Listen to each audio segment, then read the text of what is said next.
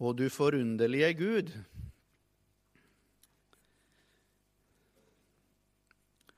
Har du bevart evnen til å undre deg?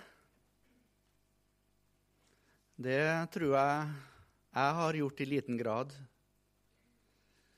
Det forunderlige som vi hører om, og som vi leser om, og som vi er samla om, det har så veldig lett for meg for å bli en selvfølge. Selvfølgelig er det sånn. Jeg har jo vokst opp med det. Jeg har jo hørt det hele livet. Jeg har hørt det tusen ganger. Og så er det så lite undring i mitt liv. Og du forunderlige Gud. Tenk hva han har gjort mot meg.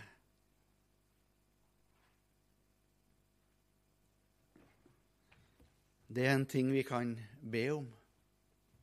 Vi kan be om det nå. Vi kan eh, be om det daglig, jevnlig. Om å få tilbake evnen til å, og gaven til å undre oss i møte med Gud.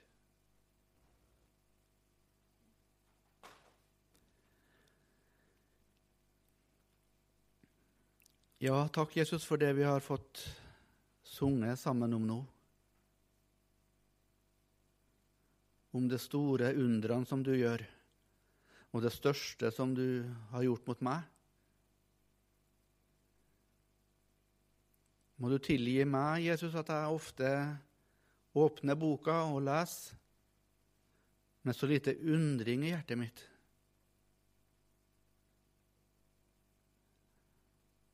Og så roper vi til deg nå, og så ber vi til deg nå, Jesus, om at Den hellige ånd må få legge noen sannheter ifra ordet ditt inn i våre hjerter, hjerter på en sånn måte at vi kan undre oss litt igjen og knele ned for deg, Jesus, i glad takk. Må du møte den enkelte av oss, og i fortsettelse av dette møtet, Jesus, Møt den enkelte av oss med det som den enkelte av oss trenger. Og gi hver enkelt av oss nå, Jesus, særbehandling. Må du fordele ordet. Vi ber om det i ditt navn. Amen.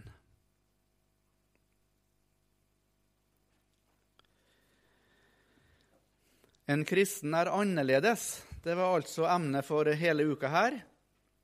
Og vi begynte litt på det i går og snakka om, som en Tor sa, eh, hva vil det si å være en kristen?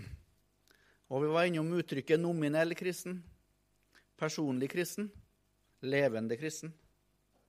Og vi slutta med, med ordene fra Jesus i Johannes 15 om eh, vintreet og greinene. ei grein i Jesus, ikke på Jesus. Vi skal fortsette eh, litt i den gata i dag òg. For får du ikke, og får vi ikke, tak i hva det vil si å være en kristen, så blir resten av emnet, og hele emnet egentlig, hengende i løse lufta. Og vi får ikke det rette utgangspunktet for fortsettelser. Og I dag skal vi nevne for hverandre et nytt uttrykk som egentlig snakker om det samme, men som viser det veldig tydelig hvorfor en kristen er annerledes. Det er uttrykket 'en gjenfødt kristen'. En gjenfødt kristen. Og Vi skal ta som utgangspunkt det kjente avsnittet i Johannes 3 om Nikodemus. Jeg tror ikke det er noen mange her i salen som ikke har hørt en tale eller andakt over de versene. Men vi skal lese noen vers der i kveld likevel, for det er veldig, veldig lærerikt. Og Vi leser de seks første versene til å begynne med i Johannes 3, i Jesu navn. Det var en mann blant fariseerne som het Nikodemus. Han var en av jødenes rådsherrer. Han kom til Jesus om natten og sa til ham, 'Rabbi, vi vet at du er en lærer kommet fra Gud.' For ingen kan gjøre de tegn som du gjør, uten at Gud er med ham.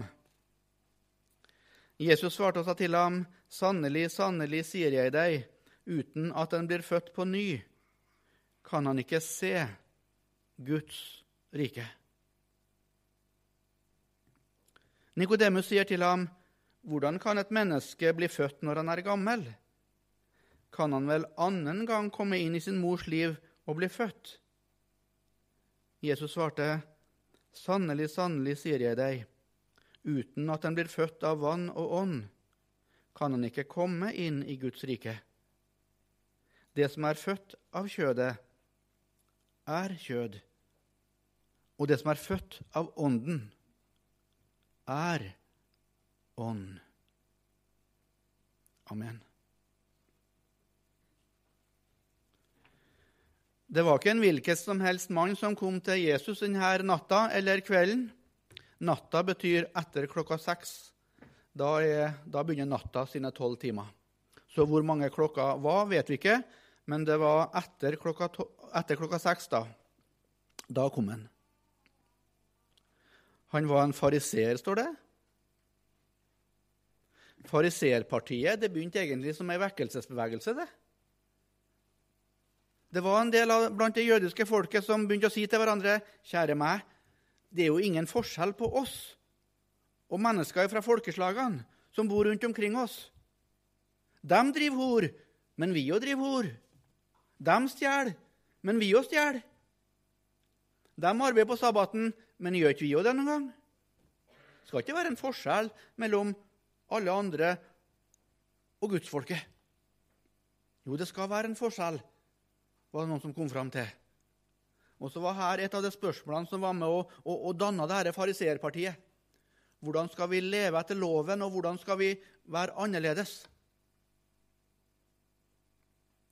Nikodemus meldte seg inn i det partiet der. Der ville han være med. Og i den flokken ville han være. I tillegg står det at han var rådsherre.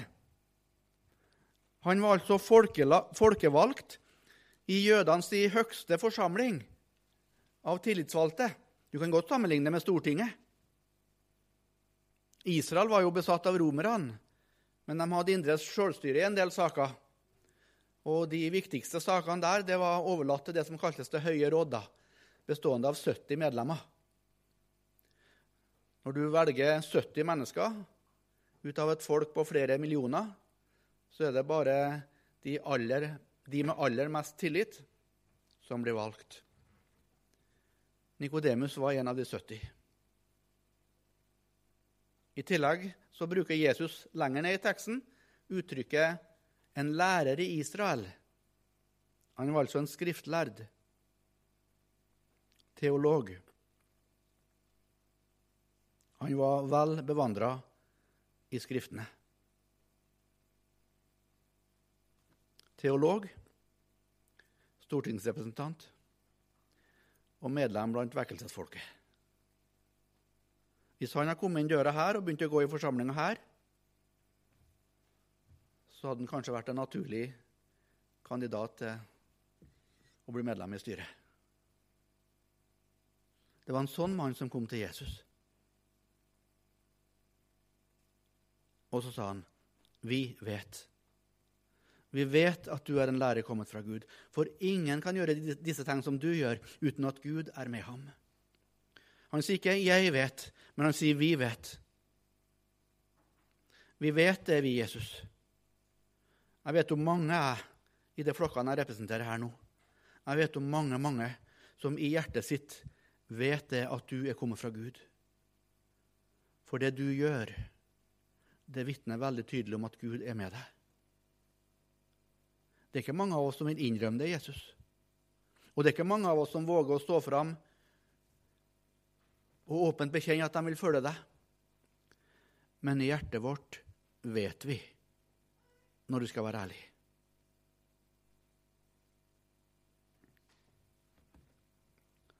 Hvordan svarer Jesus denne personen? Vers 3. Jesus svarte og sa til ham, Sannelig, sannelig, sier jeg deg, uten at den blir født på ny, kan han ikke se Guds rike. Det virker på en måte som et sånn god dag, mann, økseskaft-svar. Det er jo en soleklar invitasjon fra Nikodemus' side. Invitasjon til Jesus om å komme ham i møte. Og det er jo det nettopp Jesus gjør. Men på en veldig brutal måte, kanskje. Det hjelper egentlig ikke hvem du er, Nikodemus. Det hjelper egentlig ikke hva du har kommet fram til i din grublen og i din søken. Det som er nødvendig for deg, Nikodemus, det er faktisk en ny fødsel. Så radikalt er det kristne budskapet. Så radikalt er Jesus svar. Du kan ikke se Guds rike, Nikodemus. Du kan ikke erfare den virkeligheten og den ramma og den verden som jeg er i, uten at du blir født på nytt. Født for andre gang. Født ovenfra.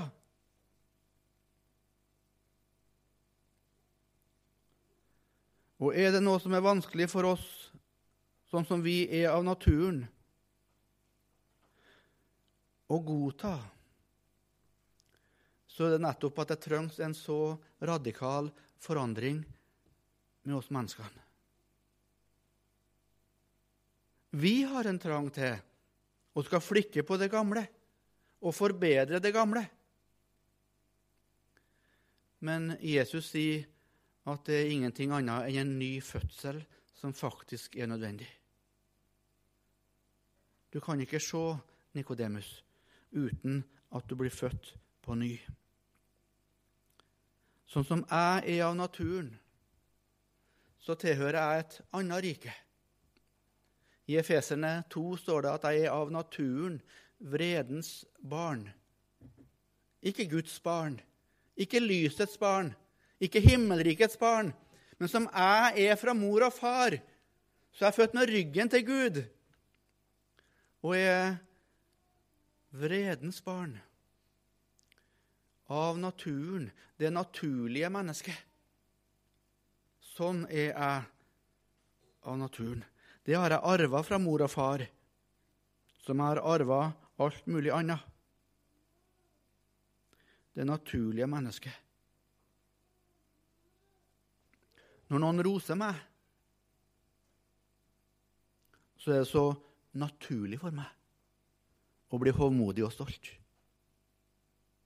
Jeg kan ikke sette meg ned liksom, før jeg blir stolt, og så vurdere kaldt og liksom kynisk og, og beregnende skal jeg bli stolt nå, eller skal jeg ikke bli stolt. Jeg bare blir det. Det er så naturlig.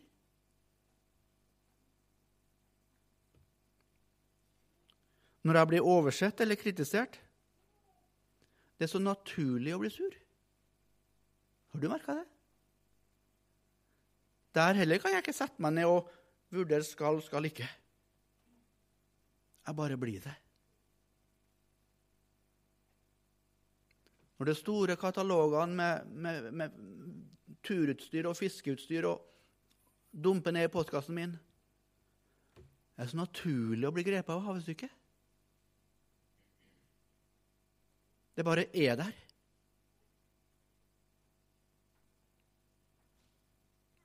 Når jeg ser ei vakker kvinne, kanskje utfordrende kledt Jeg kan ikke liksom sette meg ned igjen og tenke skal eller skal jeg ikke begjære. Det bare er der. Det er det naturlige mennesket.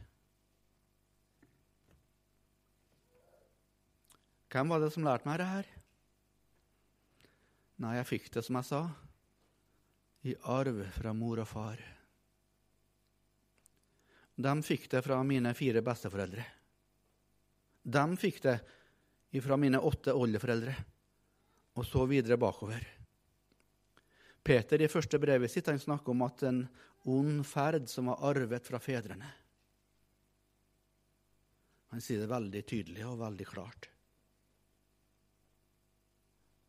Det ligger i genmassen, det.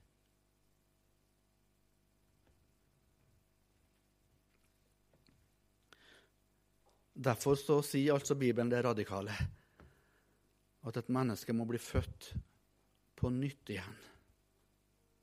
Og det er altså ikke en fysisk fødsel enda en gang. Det trodde Nikodemus. Han gikk liksom med skylapper, han. Til og med han, i hans stilling så så han liksom bare for seg den fysiske virkeligheten. Når han hørte fødsel, så tenkte han automatisk på fysisk fødsel. Han hadde ikke liksom rom og plass for en åndelig verden og en åndelig del av tilværelsen. Kan et menneske når han er gammel, komme inn i mors liv for andre gang og bli født på nytt? Hvordan er det mulig?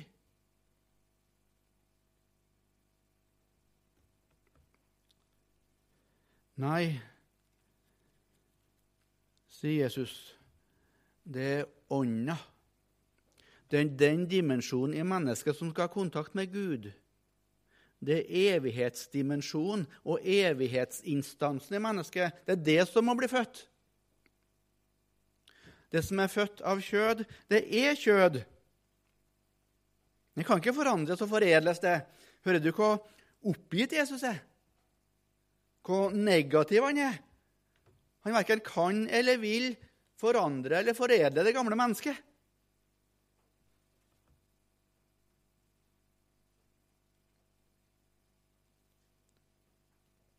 En lærer som jeg hadde på Fjellhaug i gamle dager, han brukte bildet med sjimpansen som kjørte trehjulssykkel.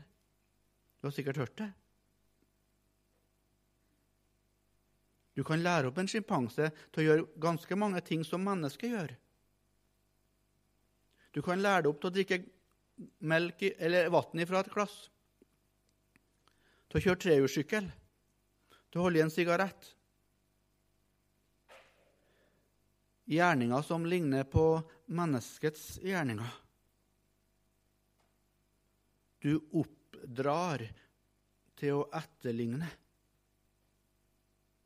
Men de gjerningene gjør ikke sjimpansen til et menneske, sa læreren. Sånn kan du lære opp et menneske også, til å begynne å oppføre seg kristelig. Et menneske kan begynne å gå på møter. Et menneske kan bli med i kor. Et menneske kan kjøpe seg en bibel og, og ha den med seg overalt. Et menneske kan bøye sine knær og kneppe sine hender og be et Fader vår. Det kan begynne å oppføre seg kristelig, men det blir ikke av den grunn en kristen. Du blir ikke en hest sjøl om du går inn i en stall. Like lite blir et menneske en kristen ved å gå inn på et bedehus eller en bibelskole. Det som er født av kjødet, det er kjød. Og det blir aldri noe annet enn kjød og den gamle naturen.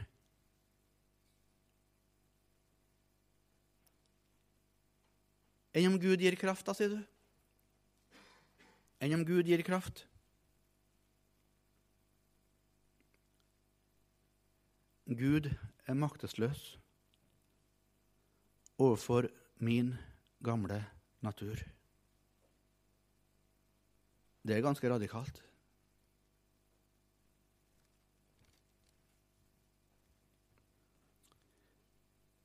I Romerne 8 så står det sånn i vers 4. Romerne 8, 4.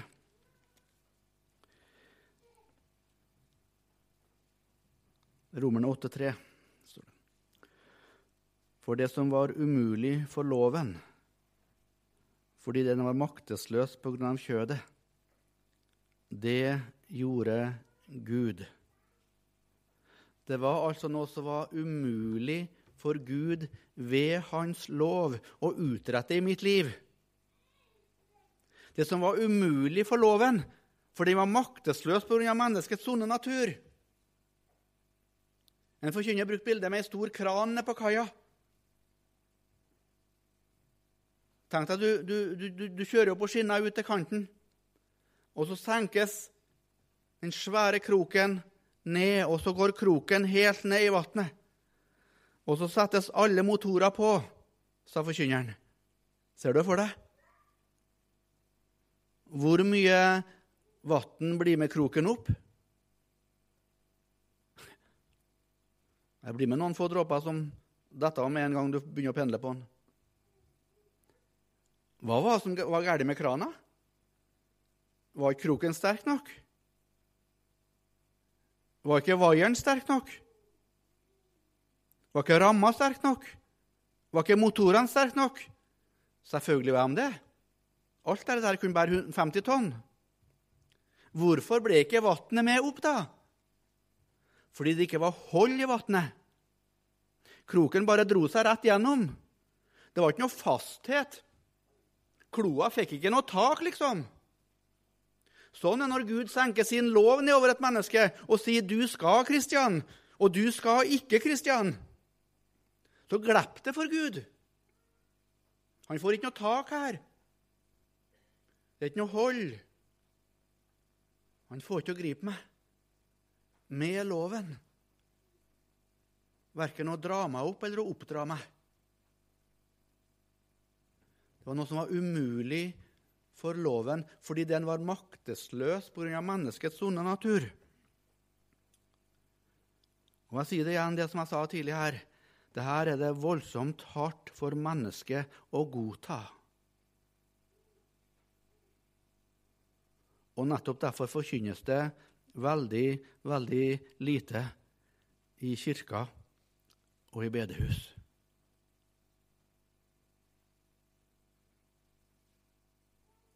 Nikodemus var en lærer i Israel. Skal vi se hvordan han reagerte?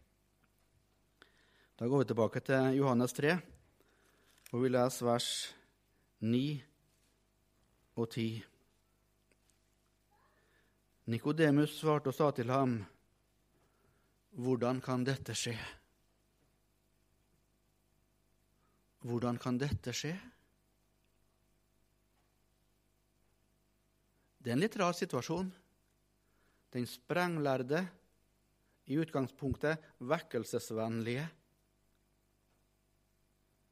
stortingsrepresentanten. Han sitter her som en ydmyk skoleelev innenfor en snekkersønn fra innlandsbyen Nasaret. Hvordan kan dette skje?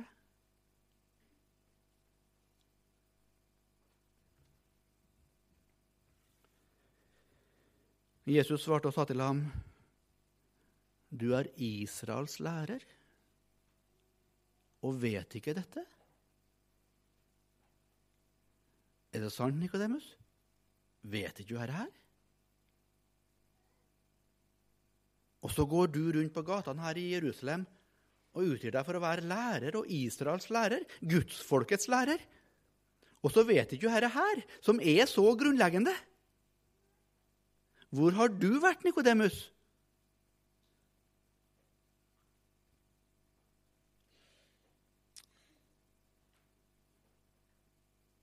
Ja, det er nok mange Israels lærere i dag òg som ikke vet dette her. Og vi ser resultatene. Det er skarer som går rundt, med et liv som er, jo, delvis forbedra og delvis forandra.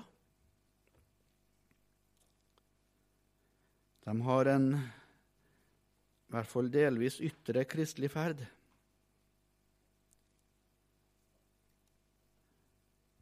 Men de er helt ukjent med det å være en ny skapning.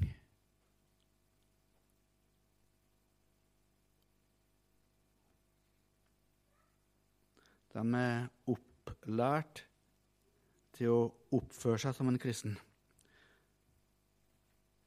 I går snakka vi om å, å, være en sau i ulveham. Å ære Gud med leppene, men ikke med hjertet. Og ligne på ei kalka grav. Det er ganske spenstige og saftige uttrykk Jesus har.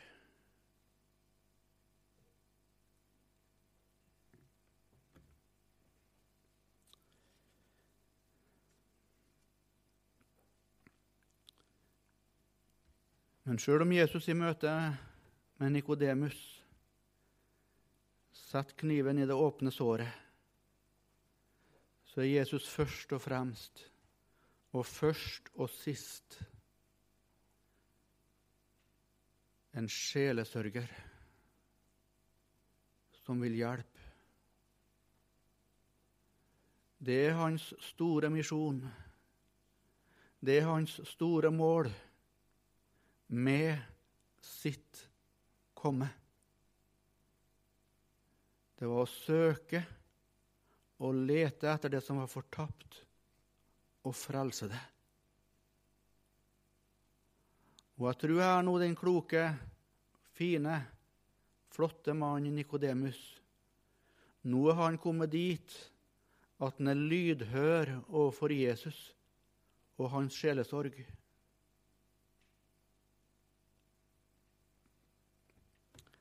Og Vi skal ta med ett vers i Jesu sjelesorg til Nikodemus. Vi leser vers 14 i Johannes 3. Og like som Moses opphøyet slangen i ørkenen, slik skal menneskesønnen bli opphøyet, for at hver den som tror på ham, skal ha evig liv.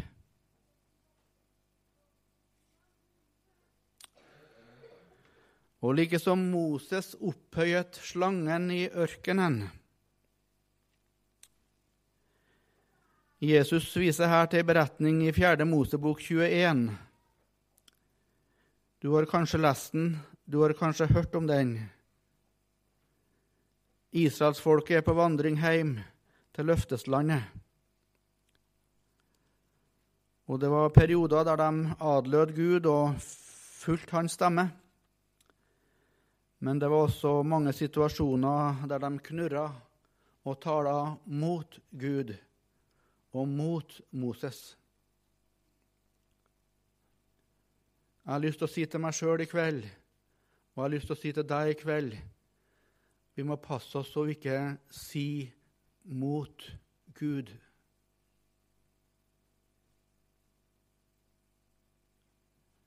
Det er én ting som er viktig, egentlig det at Gud er for oss. Da har det ingenting å si hvem som er mot oss. Men hvis vi snur på det, så ser vi dybden i det. Det hjelper ingenting hvem som er for deg. Hvis Gud er mot deg.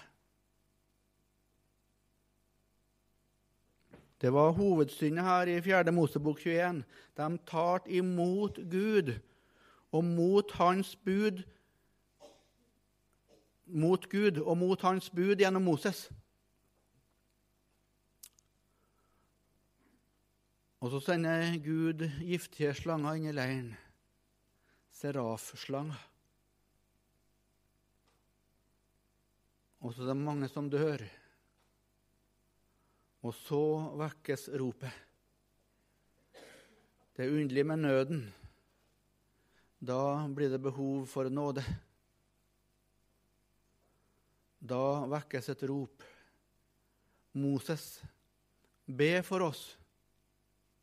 Rop til Gud for oss. Og Moses går inn i bønnekamp. Og så får han budskapet fra himmelen. Lag deg en kobberslange, Moses. Sett den på en pæl. Sett den på ei lang stang, så slangen kommer høyt. Det er mennesker på alle sider her nå, Moses. Får slangen høyt. Det er telt mange hundre meter, kanskje mange kilometer. Sett den på ei stang. Sett den høyt. Og så skal jeg gjøre det under Moses. At hver og en som ser på slangen, han skal få livet igjen. Han skal faktisk bli på en måte født på nytt igjen. Ved et syn, ved å se på den frelse som jeg har planlagt og satt i verk. Skynd deg nå, Moses. Bare å passe på å få ormen høyt.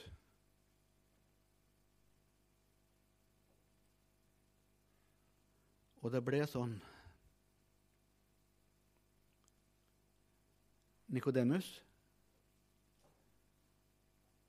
jeg vet du kan beretninga her fra 4. Mosebok 21.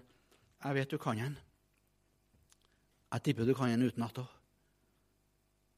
Og jeg tror at du har diskutert også denne beretninga med dine kollegaer, kollegaer mange ganger. Men har du forstått innholdet, Nikodemus? Det var liv nettopp i å vende sitt sinn og sin tanke og sin oppmerksomhet opp på ormen på pæren.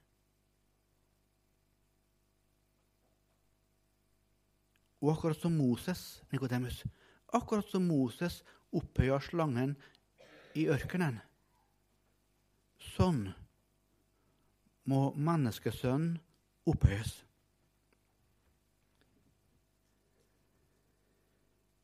For at hver den som tror på Han, skal ha evig liv.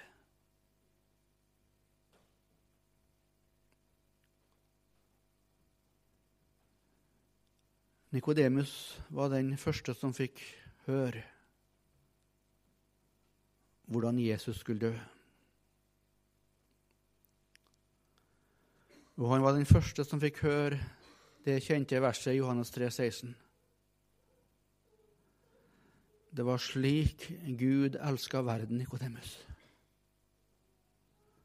For at hver den som tror på Han, vender seg til Han, ikke vet seg noe annet råd i sin nød og i sin dødsangst enn å rope og vende seg til Han, for at hver den som gjør det, ikke skal gå fortapt, men ha evig liv.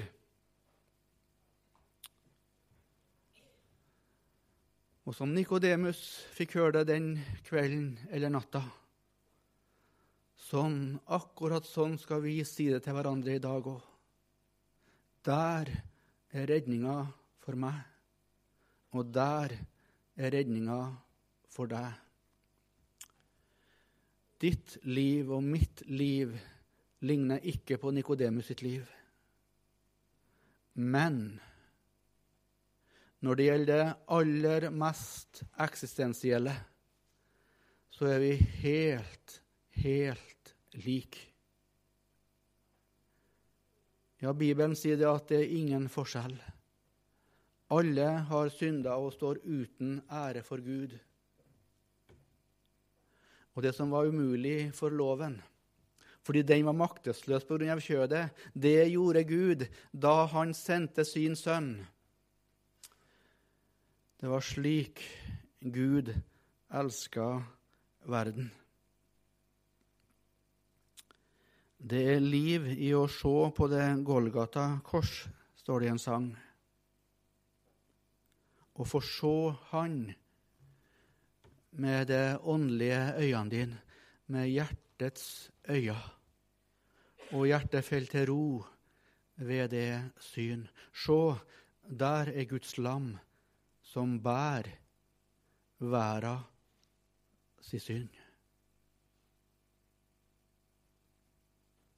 Det du ser på, det du ser på, nå må du høre, det gir du makt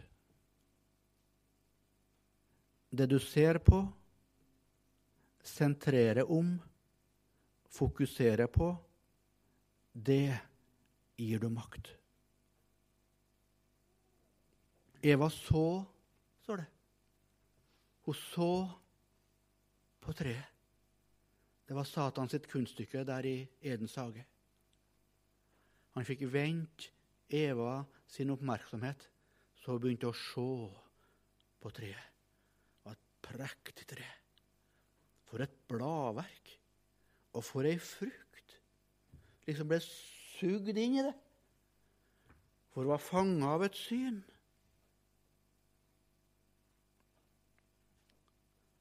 En soldat utafor Jeriko. Han så sin. Han sier det sjøl. Han så noe blant byttet der, det som skulle ødelegges og destrueres, egentlig. Han så noe gull og noe sølv og ei prektig babylonsk kappe.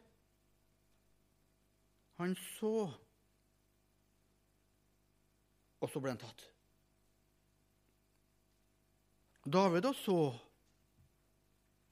Han så ei usedvanlig vakker kvinne som bada, naken. Du som er mann, du vet hva jeg snakker om nå. Kanskje du som er kvinne òg. Et syn, det griper deg. Peter begynte å se, står det, på det håret vær. Han gikk på vannet, han. Kom, sa Jesus. Kom, kom. Én fot, to føtter. Så gikk han mot Jesus. Men så begynte han å se på det håret vær. Flytta blikket sitt fra Jesus, altså, og på stormen og rokket og skummet og bølgene. Og så var det det synet som fikk fylle Peter. Og så mista han fotfestet. Og så begynte den å synke. Det du ser på, det gir du makt. Og så er det Lukas som beretter om Simon i tempelet. Vi skal ta med hans vitnesbyrd i Lukas 2, vers 29 og 30. Det er så vakkert, og det er så gripende. Lukas 2, vers 29 og 30.